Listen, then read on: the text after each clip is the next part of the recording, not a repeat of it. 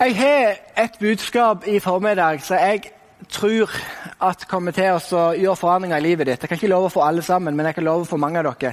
Så kommer du til å se på det med å leve nærme Jesus, det med evangelisering, det med å dele Jesus med andre mennesker. Jeg tror du skal få se på det på en annerledes måte. Jeg tror du skal kjenne at du kan slappe litt mer av. Og at du kan forstå at alt det du gjør, det er litt skummelt, men det er sant, men alt det du gjør, det er faktisk å dele Jesus med andre mennesker. Måten du er på, nesten måten du går på, viser Jesus til andre mennesker. Måten du møter andre mennesker på, åpner enten opp døra for Jesus, eller så stenger det døra for Jesus. Kan jeg få powerpointen på veggen her med første? Og Jeg stiller bare spørsmålet at har vi glemt det? Har vi glemt det på bokmål? Og det er det at det, Mange ganger så blir vi så opptatt av alle andre ting. Vi blir opptatt av hvor høy lyden er på møtet, eller hvor farge det er på stolene, eller hvor mange parkeringsplasser vi har, eller at ting er ikke sånn som jeg ønsker at de skulle være. Og så glemmer vi fokus og mister fokus på at det er Jesus er det viktigste. At det er å dele han med andre mennesker som er det viktigste. For det er så mye annet i livet vårt som fort blir viktigere. Ja, amen for det. For to år siden Jeg skulle ønske denne historien var sånn som det her. For to år siden så sto jeg i, eh, i kø på Coop Ops i Kristiansand. Og så kjente jeg på innsida mi at Den hellige ånd la den opp hjertet mitt at jeg skulle betale for personen som sto før meg i kassen. Og jeg så at dette ble bare dyrere og dyrere. Det var 500, det var 700, det var 1000. Og jo høyere det ble, jo mer sa jeg nei til Gud. Jeg er ærlig med dere. Jeg, jeg, jeg gjorde det. Og det, jeg tror det endte på 1500 kroner. Og jeg tenkte nei, Gud, det, det, gjør jeg ikke. Jeg har ikke de pengene nå. Jeg gikk ikke på vannet som Ola snakket om i stad. Så jeg sa Gud at det går ikke. Og Så skulle vedkommende da eh, ta og betale, og så, så virka ikke kortet til han som var framfor meg. sant? Så det var jo sjanse nummer to. Men jeg tenkte nei, nei, nei, jeg skal ikke betale uansett. Og Han prøvde kort nummer to, og nei, det gikk ikke uansett. Eh, og Jeg eh, holdt på å diskutere med Gud og sa nei, Gud, jeg har ikke penger til det nå. Jeg må fall snakke med Kristine først. For vi er enige om at skal vi kjøpe noe, eller gi noe over 1000 kroner, så må vi si ifra til hverandre. Eh, så jeg begynte å diskutere det, og så til slutt så endte jeg opp med å ikke gjøre det. Men så angrer jeg to minutter senere. Og da endte jeg opp med å betale for den personen som var der. Og så stoppa historien der, og så syntes den personen det var fint. Og bak meg i køen så sto det en person som hadde Jeg husker ikke hvor personen hadde vondt men det var noe galt med foten eller med armen. Og jeg har sett for meg nå i ettertid at Hvis jeg hadde gått på Guds stemme med en gang, jeg ser bare for meg dette bildet her, og hadde betalt for det jeg skulle gjøre, vært lydig til han, så kunne jeg kanskje lede han til Jesus. Og når jeg ledet han til Jesus, så sto han bak meg i køen. Så la jeg hendene på han som var bak meg i køen, så bak for han, og bang, der ble han helbreda. Hun i kassen bare ser dette som skjer. Wow, dette er jo sprøtt. Du betaler for eh, maten til noen, og du ber for han, han blir frisk. Kan jeg få lov til å møte Jesus, jeg òg? Og så hadde det fortsatt sånn. For mange ganger så tenker vi det. Men fordi at jeg var ulydig og ikke gjorde det som jeg kjente lå i hjertet mitt, så ble ikke historien akkurat sånn som jeg hadde håpet og akkurat sånn som jeg hadde trodd der. Og Da er det så viktig for min del og for din del òg at vi må forstå at vår fremste oppgave er å vise Jesus til andre mennesker. Vi må forstå det at vi er bildet, du er bildet på Jesus der som du vandrer. Du er den eneste Bibelen for å bruke det uttrykket der, som andre mennesker leser. De færreste går til kirka for å møte Jesus, men mange ser på deg. Det er mange personer som har noe imot de kristne og har noe imot kirke og menigheter, men ofte så har de ingenting imot Jesus. Og det er fakta. Og Da er spørsmålet hvor bildet er vi av Jesus der som er vandrer? Hva tenker folk når de ser deg? Hva tenker folk når uh, du står i bilkøen, og om du er tålmodig eller om du kjører inn tuto? Eller om du er den der frekkasen som du kjører opp med den der med fjøsanger, så står det en lang kø eh, hvis du kommer fra Flesland. Så er det noen luringer som kjører forbi hele køen, og så blinker de inn langt framme i køen. Det irriterer meg. Jeg vil egentlig ikke slippe dem forbi. Sant?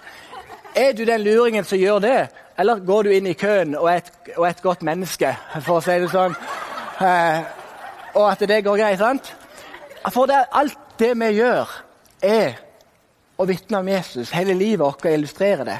Hvis du står i en kø på en butikk og du er ikke fornøyd med, med, han, med han, som står i kassen, han gjør en dårlig jobb, han er ikke på, er du den som er tålmodig og sier at dette går greit? Eller er du den som med en gang begynner å klage og syte og ikke er fornøyd med servicen? Alle de svarene på spørsmålene her viser fort hvor vårt hjerte er. Det viser også fort hva vi må jobbe med i livet.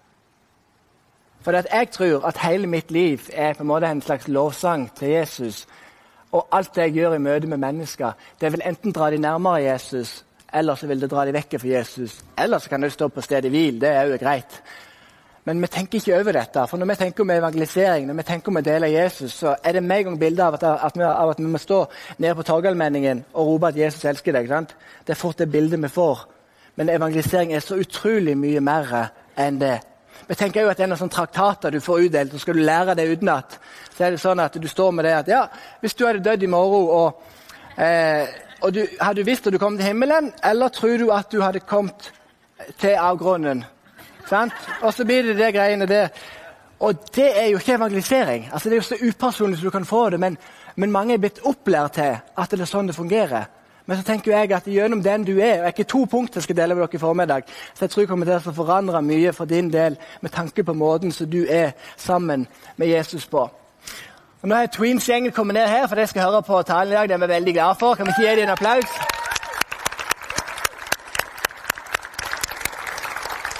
Det er så bra å ha deg her. Og så skal jeg lese tre bibelvers siden de kom nå, så er bakgrunnen for det som jeg deler nå i formiddag. Apostelens gjerninger 1,8, veldig kjente vers. Men dere skal få kraft når Den hellige ånd kommer over dere. Og dere skal være vitner i Jerusalem, i hele Judea, i Samaria og helt til jordens ende. Leser Apostelens gjerninger 10,42. Og han påla oss at vi skulle forkynne for folket og vitne at han er den som Gud har satt til dommer over levende og døde. Og så Apostelens gjerninger 20,24.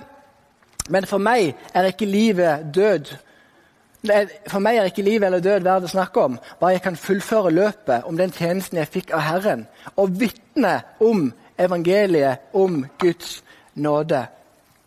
Når du er et vitne, da er du en person som hører noe eller ser noe, og så forteller du videre det du har hørt. Hvis du har hørt noe og du har sett noe, og du ikke forteller det videre, da er du ikke et vitne. Du er totalt ubrukelig i en rettssak. For å si det sånn. For om du sitter på informasjon, så du ikke deler, så hjelper det ingenting. sant? Mest litt på informasjon fra Jesus. Han har vist dere veien, sannheten og livet. og de tingene der. Og Hvis vi velger å bare sitte inne med det og aldri dele det med noen, da er ikke vi vitner. Da bare sitter vi på informasjon som vi ikke deler med andre mennesker. Mange ganger er det sånn i livet Jeg har ikke vært mye sånn, iallfall jeg. At eh, Frans av Assissis sa en, eh, en setning at eh, 'forkynn evangeliet, om nødvendig bruk ord' sa Frans av Assisi. Og det er en fin setning. Og så tok uh, William Booth, han som grunnla Frelsesarmeen, han tok også det ordet videre og sa at uh, vi forkynner evangeliet om nødvendig bruk ord. Leser du historien til Frelsesarmeen, så er den supersterk og fantastisk, og de levde virkelig den setningen ut på en god måte. Problemet i dag er bare at vi lever ikke den setningen så veldig godt ut. Jeg iallfall ikke for min del. For at Istedenfor og ha det som fokus blir sånn at ja, jeg skal forkynne evangeliet. Og om det nødvendig blir, helst ikke. Selv om muligheten er der, så skal ikke jeg si noe om Jesus. Så jeg skal forkynne uten å bruke ord. sant? Og så blir det fokuset istedenfor. Det var, dette er en sann historie på en arbeidsplass. Jeg tror nesten det faktisk her var i Bergen òg. Så var det en kar da som hadde trodd på Jesus hele livet sitt. Han hadde jobbet på arbeidsplassen i 40 år. Og så hadde han eh, kommet til tida der han skulle bli pensjonist. Han gleder seg veldig til pensjonisten, eller pensjonisttilværelsen. Og han hadde hele veien i livet hatt som motto at han skulle forkynne evangeliet om nødvendig bruke ord. Han hadde aldri hatt en samtale på jobben om Jesus med noen. Så sitter han der på avslutningsmiddagen, da, og de har fått kake og god stemning. og hele pakken. Så er det plutselig en av arbeidskameratene som reiser seg opp og sier det at du, jeg kan alltid merke at det er noe annerledes med deg. Og denne mannen, vet du, Da begynte han å kjenne at det begynte å blåse seg litt opp igjen. Nå kommer det. Etter 40 år så stiger det ut. Og Så ser han på han, så ser han følgende Er du vegetarianer? Og det er en helt sann historie. For ofte så blir det sånn at vi tror på Jesus, men så skal vi være så forsiktige. Vi er så redde for å vise det til andre mennesker at vi lever et helt liv uten å få lov til å være med og påvirke noen andre mennesker. Det er ikke din oppgave å overbevise noen om at Jesus er den rette personen, og at han er veien, sannheten og livet, det er Den hellige ånds oppgave å gjøre det gjennom deg. Det må vi òg lære. At Deler du evangeliet når en ikke tar imot Jesus, så slapp av. Det handler ikke om deg på noen måte. Det handler bare om Jesus. Det handler om at det er hans oppgave å vise veien, sannheten og livet. Og Der kan vi få lov til å slappe litt mer av. I USA er det 400 000 kirker. Altså, dette er en statistikk som jeg deler ofte. Og ca. 10% av de kirkene vokser. Altså 90% av kirkene i USA vokser ikke. De står på stedet hvil, de går helst nedover. 10% vokser. 9% av de 10% som vokser, vokser fordi folk bytter menighet. sant? Er du ikke fornøyd i Credo, så går du til Salt. Er du ikke fornøyd i Salt, Bergenskirken, så går du til Tabernakelet. Liker du ikke Tabernakelet, så går du til Evangeliekirken. Og så fortsetter det bare sånn. Og 9% av kirkene vokser pga. det. Og 1% av kirkene, altså 4000 kirker av 400 000, vokser fordi at nye mennesker kommer til tro. Og da tenker jeg at her har vi en utfordring. Her har vi et problem. Her er det noe vi må gjøre. Vi må ta tak. Det sterkeste jeg opplever som person, som pastor, det er når jeg kan få lov til å lede én person til Jesus. Jeg syns det er sterkt å stå på møter der det kommer ti stykker som vil ta imot Jesus, eller 50 stykker. Og det skjer noen ganger. Men det er ingenting som er sterkere enn jeg kan få lov til å lede én person til Jesus. Få lov til å be én person til frelse. Få lov til å påvirke én person der ute. Det er det sterkeste for min del. Og Flesteparten av, av alle oss som er her inne, vi har ikke tatt imot Jesus på et møte, men vi har tatt imot Jesus fordi at andre mennesker har presentert Jesus for oss. En undersøkelse som ble gjort i Bergen for tre år siden, viste det for Da spurte de folk tilfeldigvis nede på, på Torgallmenningen i byen her, at hvis noen hadde invitert deg med i kirka, hadde du blitt med? Så sa over 50% at de hadde blitt med hvis noen hadde invitert dem med inn. For det er jo ofte unnskyldningen at nei, men de svarer bare nei. Og så kan jo jeg spørre meg sjøl Jonny, når var sist du inviterte med noen i kirka? Jeg skal være ærlig med dere og si at Siden jeg, begynte, jeg flytta til Bergen, så har ikke jeg gjort det. For jeg kjenner nesten ingen som ikke tror på Jesus. Sant? Det var enklere enn da jeg bodde i Sokndal, der jeg vokste opp. for Der kjente jeg jo alle. Da var det bare til å invitere masse folk hele veien. Og jeg jo når jeg var pastor i Kristiansand, i, i kirka der, så var det ikke ofte jeg inviterte med noen i kirka. For jeg var jo nesten bare med kristne folk. Det, jeg syns det er litt krise. Og da tenkte jeg at, at det må jeg gjøre noe med. Så En gang så bytta jeg eh, Jeg gjorde, en deal med ei som ikke trodde på Jesus. i det hele tatt, At jeg ble med på hun på en konsert som ikke var kristen musikk. altså det, med på motsatt skala. Det var helt vilt å være der. Men jeg var med hun, for vi bytta. At, hun, at jeg ble med hun på den konserten, så skulle hun bli med meg i kirka. Så vi fikk en god byttehandel. Så det lovde jeg òg. Og så bytta litt. For jeg visste at jeg hadde et bedre budskap eh, å levere enn det hun hadde. Jeg har lyst til å inspirere dere litt før jeg avslutter prekenen senere med å gi dere to enkle punkt. Jeg har lyst til å dele litt for livet mitt at hvordan ser dette ut når det handler om å dele Jesus med andre mennesker. Og Jeg sier ikke dette for at du skal kopiere meg, for det må aldri bli sånn at vi kopierer hverandre. for Det, det er ikke det det handler om. Men det handler om å lytte til den forsiktige stemmen som er på innsida. Og Kristine, min kone, er jo her nå, eller vet ikke. Hun er iallfall med i Tweens i dag. Rett før jul så var Kristine i åpen barnehage. Og I den, og i den åpne barnehagen så var jo selvfølgelig vår lille jente Olivia med. Og Så satt Kristine der og prata med noen folk. Og Så var det ei dame som begynte å åpne seg opp begynte å fortelle at hun hadde, hadde fått kreft, og at ting var krevende. Hun hadde små unger, og det var en veldig vanskelig situasjon. Så begynte Kristine å kjenne at det begynte å dunke veldig i hjertet hennes. At, eh, så la Den hellige ånd på hjertet hennes at Kristine, du må be for denne dama her. Og Kristine kjenner at det dunker, og hun venter på muligheten, men idet hun tenker å gjøre det først, så kommer det plutselig en hel haug med folk til. Så var ikke muligheten der. Men litt seinere sitter hun dama alene i et hjørne. Så går Kristine bort, og Olivia, vår lille jente, blir med. Og så sier Kristine at 'jeg tror på Jesus, og jeg tror på bønn'. Så spør Kristine kan jeg få lov til å be for deg. Og denne dama sa ja med en gang. Ja, selvfølgelig kan du få lov til det. Så legger Kristine hendene på denne dama, og lille Olivia tar òg hånda si bort og legger på denne dama her. Og så ber de om at Jesus skal helbrede henne. Og så var det ikke sånn at hun ble helbredet der og da i et nu. Men så ser Kristine når hun åpner øynene, at tårene bare renner fra øynene på denne dama. her. Og hun takker Kristine så for at hun var villig til å be for henne i den åpne barnehagen. Altså En veldig enkel ting som ofte krever veldig mye ifra oss. Men det, men, det, det, men det, er de der små stemmene vi må høre på. Vi må lytte til det som Ånden legger på hjertene våre, og så må vi gå for det. En stund tilbake så var jeg hjemme på Eller der hjemme, det er ikke hjemme lenger, men på, der jeg er oppvokst, i, i Sokndal. Jeg kjente bare når jeg, når jeg var der, at, at, Gud la på hjertet mitt at du skal kjøpe noen blomster, og så skal du gi dem til foreldrene til en av, en av mine bestevenner. Og Jeg gikk og kjøpte noen blomster. Jeg, jeg kjørte, de, tror ikke på Jesus. Jeg kjørte opp til dem. Og så, jeg visste de hadde en krevende periode. Og så, så var de utenfor og jobbet i hagen, og så gir jeg blomstene til dem. Så bare sier jeg til dem at du, jeg vil dere bare skal vite at jeg, jeg ber for dere. Jeg løfter dere opp for Jesus, og jeg tror at han vil hjelpe dere gjennom den vanskelige perioden som dere er i. Og Når jeg ser reaksjonen i øynene til spesielt moro til kameraten min, at eh, du ser tårene presse på, og du bare ser den enorme takknemligheten for en sånn en liten ting som jeg var med og så gjorde der. Og sånn funker Den hellige ånd i oss hver eneste dag. Det er de forsiktige, små stemmene. For 14 dager siden så satt jeg der inne og forberedte en tale. Og så satt jeg og ba. Så kjenner jeg at Gud la på hjertet mitt at du skal sende en melding til en person. Så skal du skrive masse positive ting for han. Fortell han at du er glad i han, fortell han at du ber for han, at du heier på han. Og bare, bare be Guds velsignelse. Så jeg skrev en lang SMS. Han tror ikke på Jesus.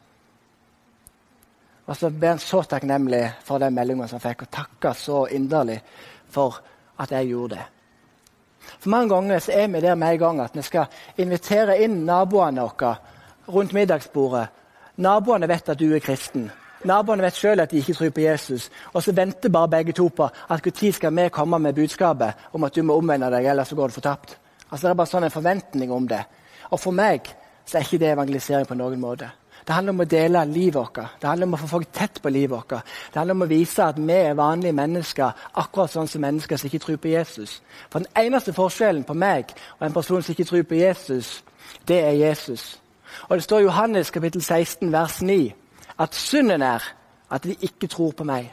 Det er den eneste forskjellen på meg og en som ikke tror på Jesus. Og det er det vi, det er det vi må forstå.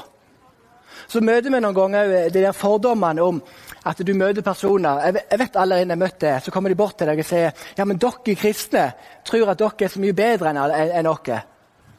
Hvem er det som har hørt den setningen? Ja, kom an. Og Da har jeg begynt å svare følgende, og det vil jeg at du òg skal begynne å gjøre. Eh, så sier jeg at vet du hva, jeg er totalt uenig med det som du sier. For Jeg tror at jeg er så dårlig og elendig i meg sjøl at jeg trenger Jesus for å være et bra menneske. Mens du derimot, du er så bra i deg sjøl at du trenger ikke Jesus for å være et bra menneske. Så hvem av dere er et bra menneske eller ikke her? spør jeg. Og Sier du det, så blir du helt satt ut. Og så er det ingenting å svare med, for de skjønner jo at det er sant og at det er rett at pga. Jesus så blir vi gode mennesker, men ikke pga. oss sjøl, og at vi skjerper oss, og at vi er så utrolig fantastiske. Jeg håper dere er enige om det. Lever du et liv som du tror at andre mennesker har lyst til å leve? Når du ser på livet ditt, tror du at andre mennesker har lyst på det livet som du lever? Når du ser på relasjonen din med Jesus, tror du at andre mennesker har lyst på det livet som du lever? Og Hvis du merker at det tror du ikke, da har jeg lyst til at du skal be til Gud om at det skal skje en forandring akkurat der. Be Han om å gjøre noe nytt i livet ditt, sånn at det kan bli sånn. For hvordan kan vi gi videre noe som vi nesten ikke tror på sjøl? Hvordan kan vi gi videre Jesus til andre mennesker hvis vi ikke er oppriktig stolte av å kjenne Jesus? Og Det beste bildet jeg kan gi dere på det her, er følgende at når jeg står som eh, pastor og vier mennesker, det er noe av det mest fantastiske jeg vet om. det er å vie folk. Og du er den eneste som får lov til å se dem inn i øynene når de sier ja. Det er bare helt nydelig. Dere må prøve det. Vi pastorer hele gjengen. Og så, og så prøv akkurat det. Og Hver gang når brudgommen sitter der Jeg kan huske det fra mitt eget bryllup. eller når jeg satt der og jeg venta på at kirkedørene skulle gå opp, da var jeg den stolteste mannen i hele verden. Uten tvil. Og jeg syns fortsatt uh, uten tvil at min kone er den, den beste kona i verden. Det er ingen som er der oppe på noen måte. Og hun er vel, sant? Og hun er vel meg. Og når jeg satt der Og de begynner å spille de den voldsomme orgelmusikken sin, uh, Mendelssohn, der på anlegget. Og dørene går opp, og hjertet bare pumper så det bare ljomer etter. Og jeg sitter der og jeg er den stolteste mannen i hele verden. Jeg vil at alle skal se hvor vanvittig flott og bra min kone er. Uten, ikke sant? Sånn er det. Så når hun kom inn, og jeg bare ser henne gående opp kirkegulvet eh, og Jeg er ikke en sånn gutt som griner så veldig mye, dessverre. Jeg skulle ønske jeg var det. Men da kjenner jeg at tårene presser på og så begynner tårene å renne, og så bare ser jeg på henne og så bare tenker jeg, Wow, Gud, du har velsigna meg med mye mer enn jeg noen gang har fortjent på alle områder. Og jeg er superstolt. Og min drøm er at det skal være sånn med Jesus i vårt liv. At vi skal være så stolte av Jesus at vi bare må dele Jesus med andre mennesker. At vi er så stolte av å kjenne han at vi bare må fortelle folk at Jesus er herre i vårt liv, at Jesus er veien, sannheten, livet. Uten at det blir noe påtatt. Jeg snakker ikke om det, men jeg snakker om den stoltheten som kan ligge her. Bare, bare ta denne kirka her. At vi er så stolte av Kredo-kirka at vi bare må invitere folk inn. Og Ser vi at det er litt rodete en plass, istedenfor å gå til vaktmesteren og se at her er det rodete, så gjør vi noe med det sjøl. Fordi at vi er en familie, og fordi at vi ønsker at folk skal få et best mulig bilde av hvor fantastisk Jesus er. Kan jeg få det med, Per? Ja,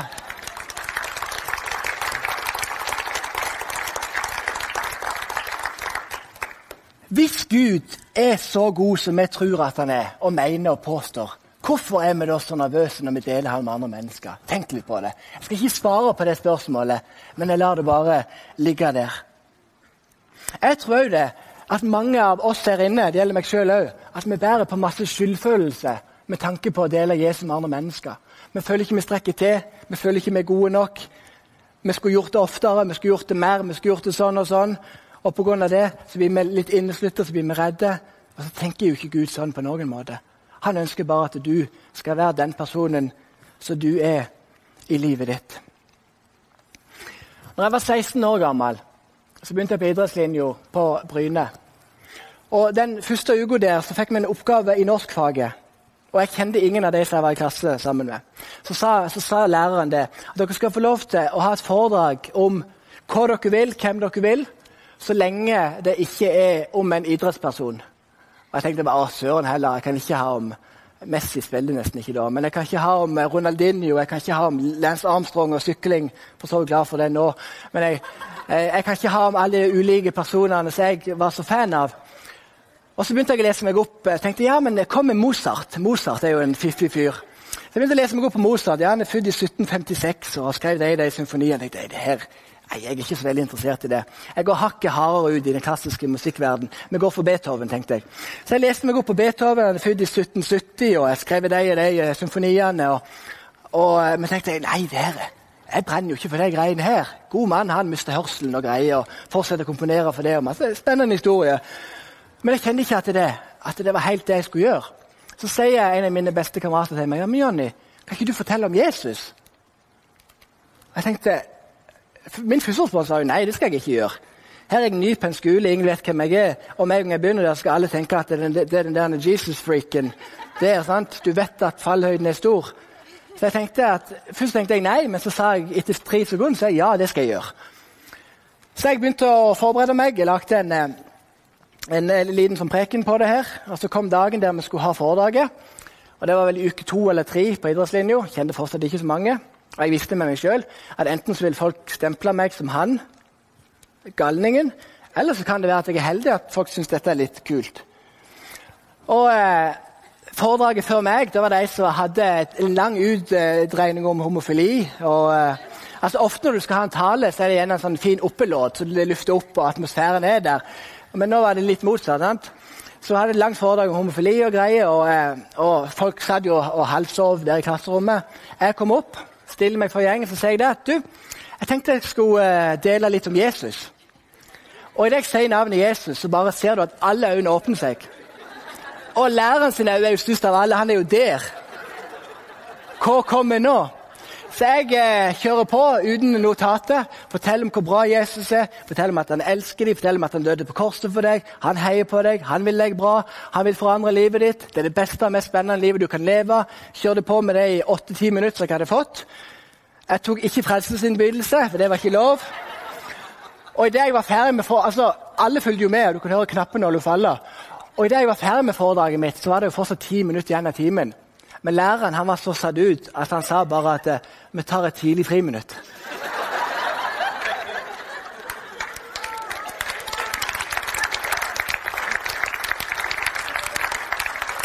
Og jeg visste jo nå at enten så vil folk like det her, eller så vil folk tenke at Jonny han er gal. Men det som var så fantastisk, var at fordi at jeg vågte å være frimodig, fordi at jeg vågte å gå på det som ble lagt i hjertet mitt, så ble det sånn at alle syntes at dette var fantastisk. Alle syntes dette var kjempekult. Så ryktene bare gikk i hele første klasse på, på videregående om han gutten fra Sokndal som er så glad i Jesus. Og alle snakket om det. Og alle tre årene på idrettslinja, når folk sleit, når folk hadde det vanskelig, hvis noen trengte helbredelse, da kom de til meg. Hadde mange dype samtaler, hadde mange eh, personer jeg ba for. og Det skjedde ting. Og, og, eh, og, til og med den dag i dag så er det sånn at noen av dem kan sende melding til meg hvis de har eksamen. For eksempel. at Jonny, jeg skal ha eksamen, kan du være med og be for meg? De, de, de kjenner ikke Jesus. Og Så ber jeg en liten bønn opp til Gud, og så går det tre uker. Så får de sensuren på eksamenen. Og så får de en god, grei karakter, så får de melding tilbake til meg da, sender til meg at 'Amen, Jonny, jeg besto eksamen'. sant? Takk Gud for det.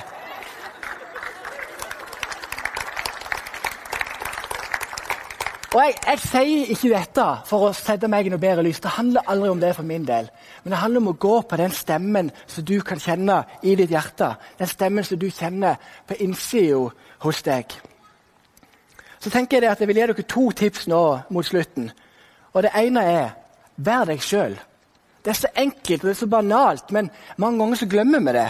Vi prøver å være Ola Rønhovde, og det er fint. Men jeg er ikke en god Ola Rønhovde. Jeg er en meget bra Jonny. Og eh, jeg er ikke så god Per Ove heller, sant? men eh, det var gøy å være Per Ove en dag. Det er en helt annen historie. Men jeg bare sier at, det, at vi må være oss sjøl. Og så må vi forstå det at Gud bruker oss uansett om vi gjør feil. Og Det er den oppriktige kjærligheten til andre mennesker som skaper forandringen. Det er ikke at du kan svare på alt, men det er det at du er deg sjøl.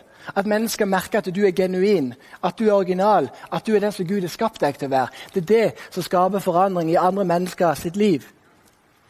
Problemet er ikke metoder, tenker jeg, men problemet er at du ikke våger å være deg sjøl. I 2009 så var jeg i USA og besøkte kirka til Rodney Howard Brown der borte. Reiste bort alene, kjente ingen. Det var god stemning å være der.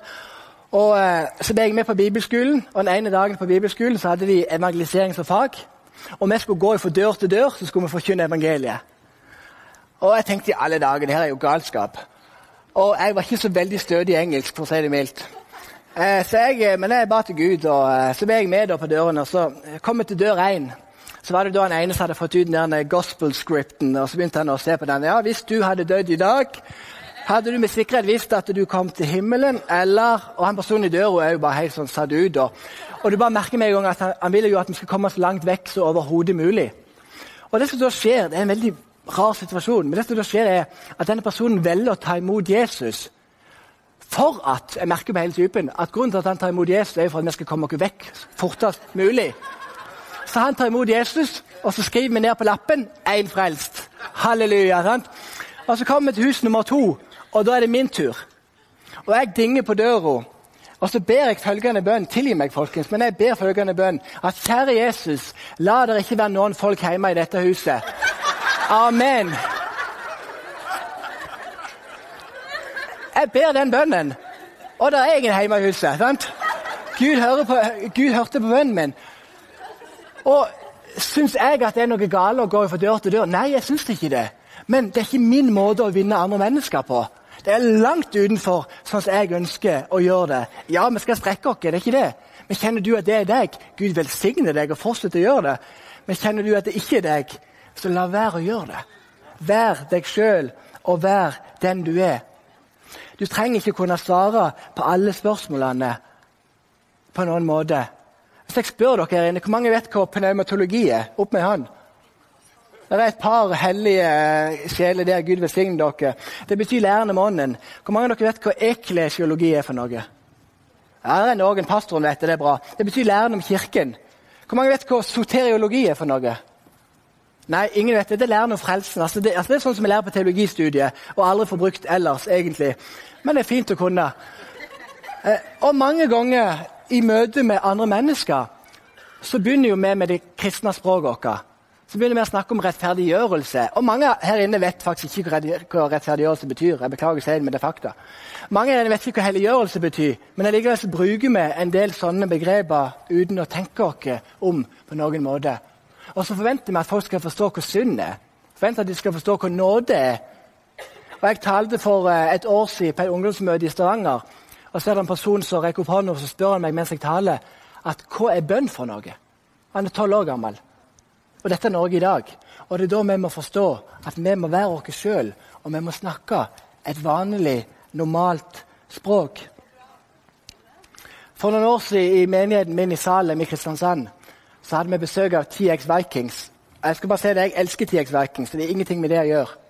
Vi hadde invitert 200-300 ungdommer og det, det var 200-300 ungdommer den kvelden på det møtet. Flesteparten av dem hadde aldri vært i en kirke før.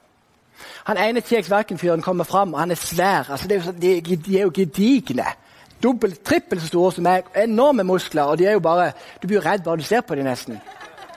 Og så Før deg at du sitter, du er 13-14 år gammel, så sitter du på dette møtet her, og så ber han følgende bønn, han TX Vikings-fyren. Han ber følgende, og en svær mann. Så sier han det at Kjære Jesus, la blodet flyte på møtet i kveld.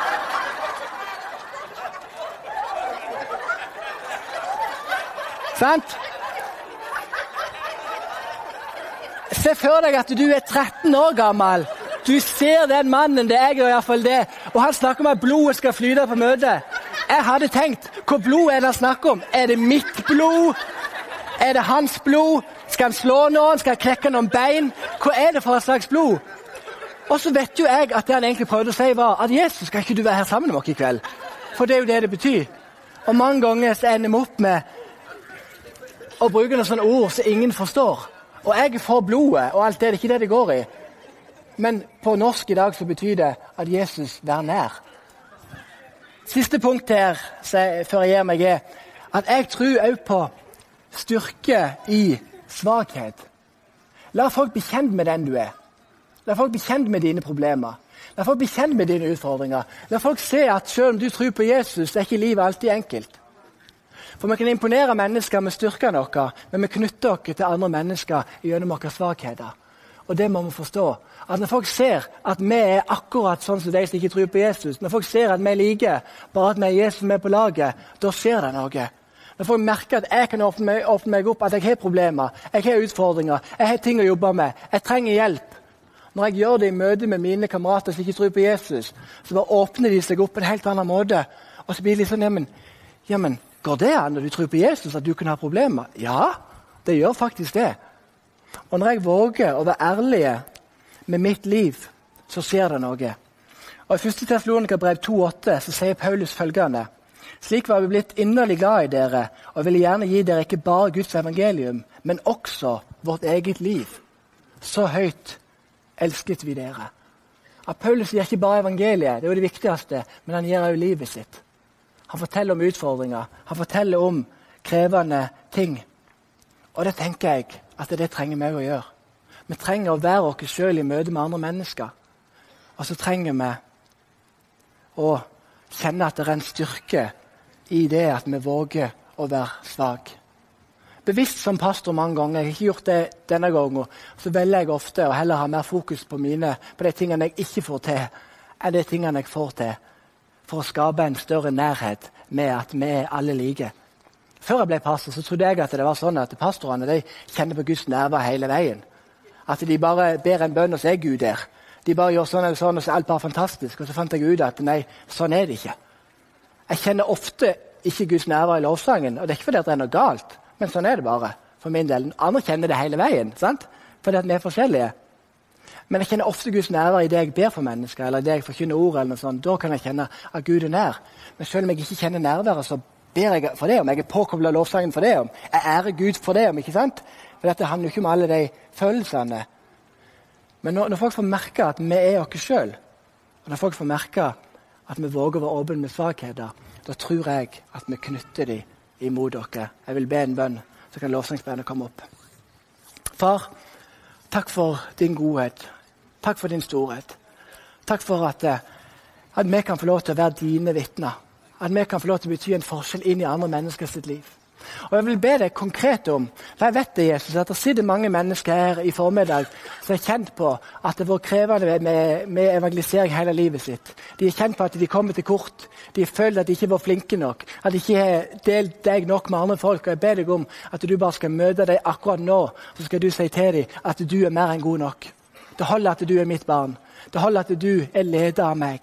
Så ber jeg om det, far. Vi skal forstå det. At evangelisering er ikke, en, er ikke en metode, det er ikke noe vi gjør iblant alle andre ting, men det er noe vi er. At vi er bildet på Jesus der som er hverandre. At vi er forskjellen inn i andre mennesker sitt liv.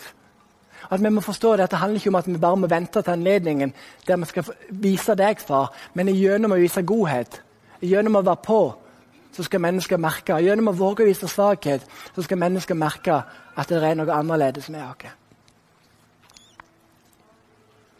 Amen.